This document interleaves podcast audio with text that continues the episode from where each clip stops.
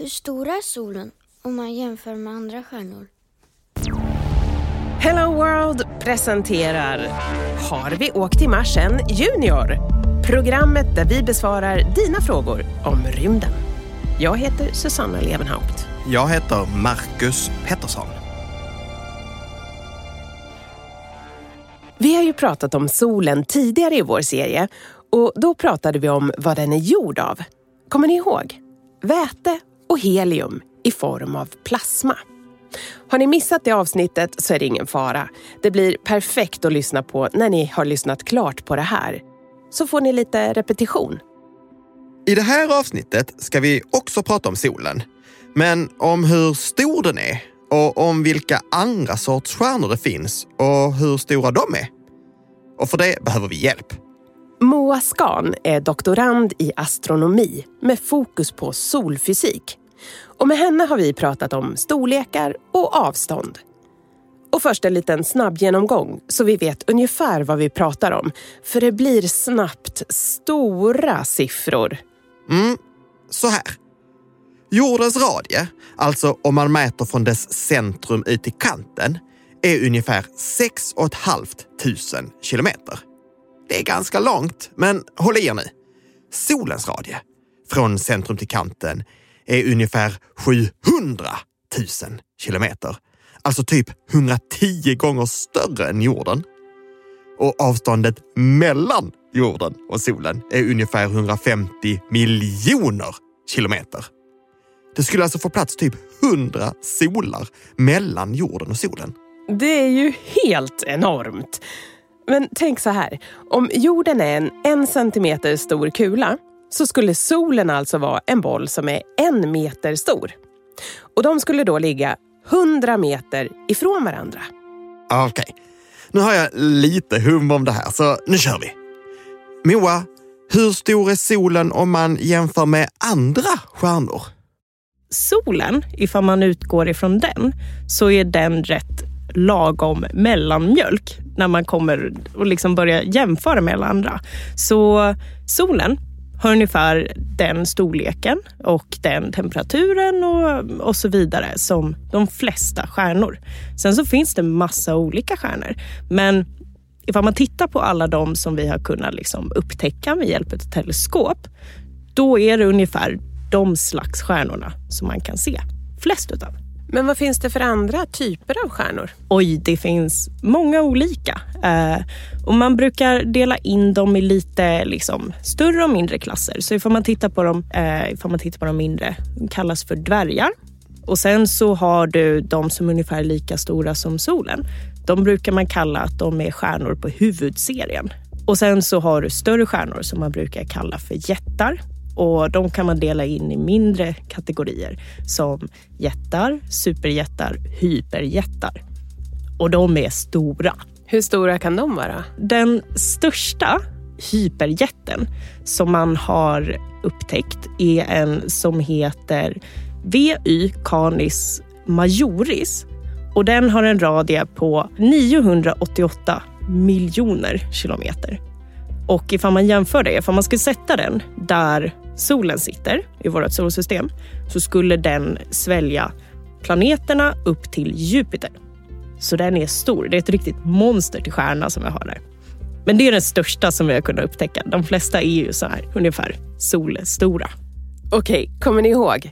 Jorden är en kula på en centimeter som ligger 100 meter från solen som är en boll på en meter. Den här giganten till stjärna, den är lika stor som ut till Jupiters bana. Så om jorden är en kula en centimeter stor så är den stjärnan en tusen meter stor boll. Alltså det är en alldeles för stor boll att tänka sig. Lika lång som fem fotbollsplaner i rad. Den får ju inte ens plats på planen, den här bollen. Nej, vi tar den minsta istället. Den minsta Moa, hur stor eller liten är den stjärnan? Den minsta stjärnan eh, det är en slags stjärna som kallas för en röd dvärg. Och ett exempel på det, det är en stjärna som har det fina namnet Ogel TR 122b. Lite klurigt namn att säga sådär rakt av. Men den har en radie på 83 000 kilometer. Om vi jämför med någonting i vårt solsystem, för den är ju större än jorden men mindre än solen. Men typ, om man, kan man jämföra med hur stor är Jupiter? Röda dvärgar de är större än Jupiter, men inte så jättemycket ifall man jämför med typ solen och så. Ja, alltså ganska liten för att vara stjärna. Bara sådär 20 procent större än Jupiter, som ju är en planet. Känns pyttelitet. Mm. Men vad jag undrar är varför de kallas röda dvärgar. Alltså, varför är de röda? Det har att göra med temperaturen. Och då så kan man jämföra med till exempel en ljuslåga. Ifall man tittar på en ljuslåga när man tänder ett ljus, då är den ju rätt blå i mitten. Och sen så när man tittar längre och längre upp på lågan så blir den ju gul och sen så lite röd. Och det betyder ju att det är varmast där längst in. Och blått, det är liksom det är en indikator på att det är väldigt, väldigt varmt. Och sen så eh, ju kallare det blir så blir det gult och sen så till sist rött. Så det är bara att den har lägre temperatur än resten utav stjärnorna. Ah, okej. Okay. Men vad är det som gör eller bestämmer hur stor en stjärna ska bli? Det som brukar vara det avgörande för hur stor en stjärna blir är eh, hur tung den är, vilken massa den har. Och Det beror på hur mycket massa den ansamlar precis i sin födelse. Så en stjärna den uppstår ju när du har en nebulosa, vilket är ett stort moln utav damm och stoft. Och eh, så är det någonting som händer och det börjar ansamla sig materia. Det här dammet, stoftet, det liksom dras ihop mer och mer. Och till slut så har du en boll som är relativt eh, tung och har högt tryck. Och då blir det väldigt varmt där inne. Och till slut så antänds det och då så börjar den här äh, fusionen ske inne i stjärnan. Vilket är när atomer slås ihop och det släpps ljus ifrån det. Så det är då som en stjärna föds. Men vad som säger hur stor en stjärna blir och sen så vad slutskedet blir utav den, det är hur mycket materia som ansamlas där i början. Växer eller krymper stjärnor med tiden? Blir det en förändring? Ja, det blir det. Så eh, solen, den kommer ju inte alltid vara samma storlek. Om vi tar solen som exempel, för den är ju rätt nära och enkel att tänka på. Eh, så när den skapades så var den lite mindre och sen så under tiden så kommer den bli större och större. Så nu så har den varit ungefär samma storlek ett rätt bra tag.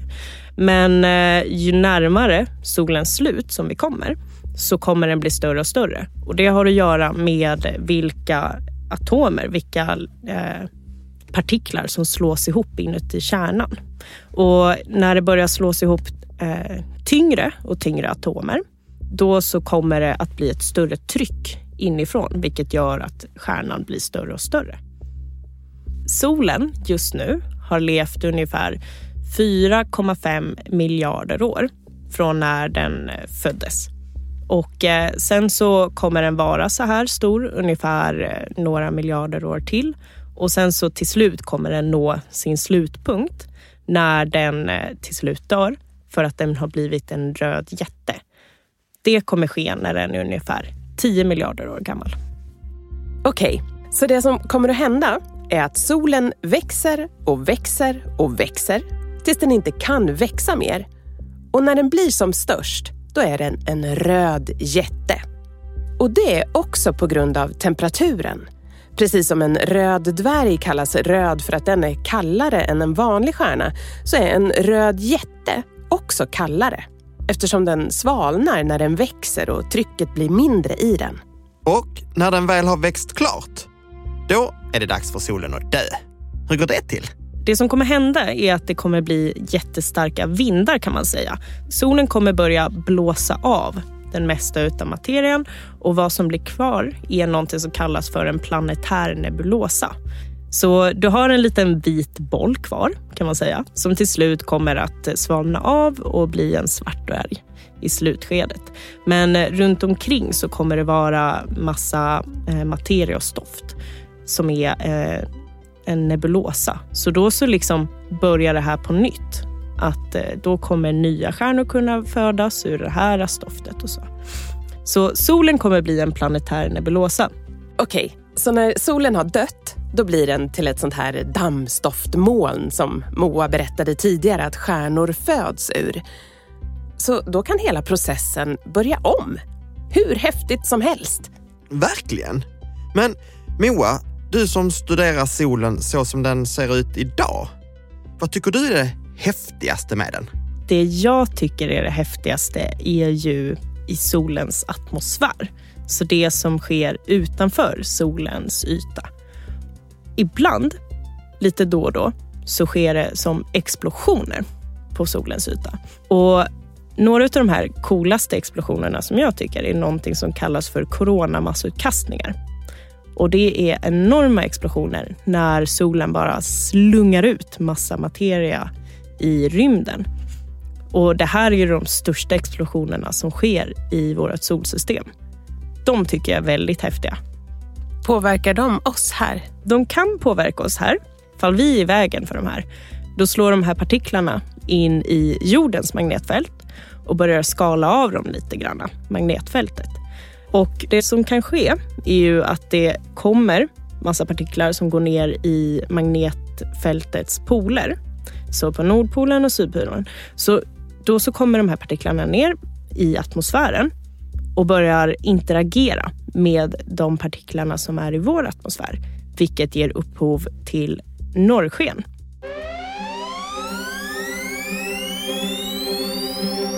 Norrsken.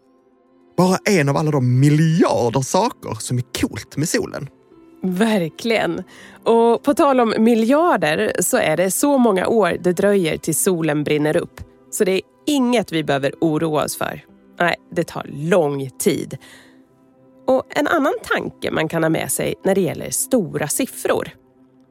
Ni vet hur vi i början sa att solens radie är 110 gånger större än jordens. Vilket betyder att man kan lägga 110 jordar i rad för att komma upp i solens bredd. Mm. Det betyder att om man jämför jorden och solens volym så skulle man få plats med en miljon jordar i solen. Men det får vi prata om i ett helt annat avsnitt. Vill du veta mer om rymden? Gå in på helloworld.se och klicka dig vidare till den här podden. Jag heter Marcus Pettersson. Jag heter Susanna Levenhaupt. Har vi åkt till Marsen Junior produceras för Hello World i samarbete med Rymdstyrelsen.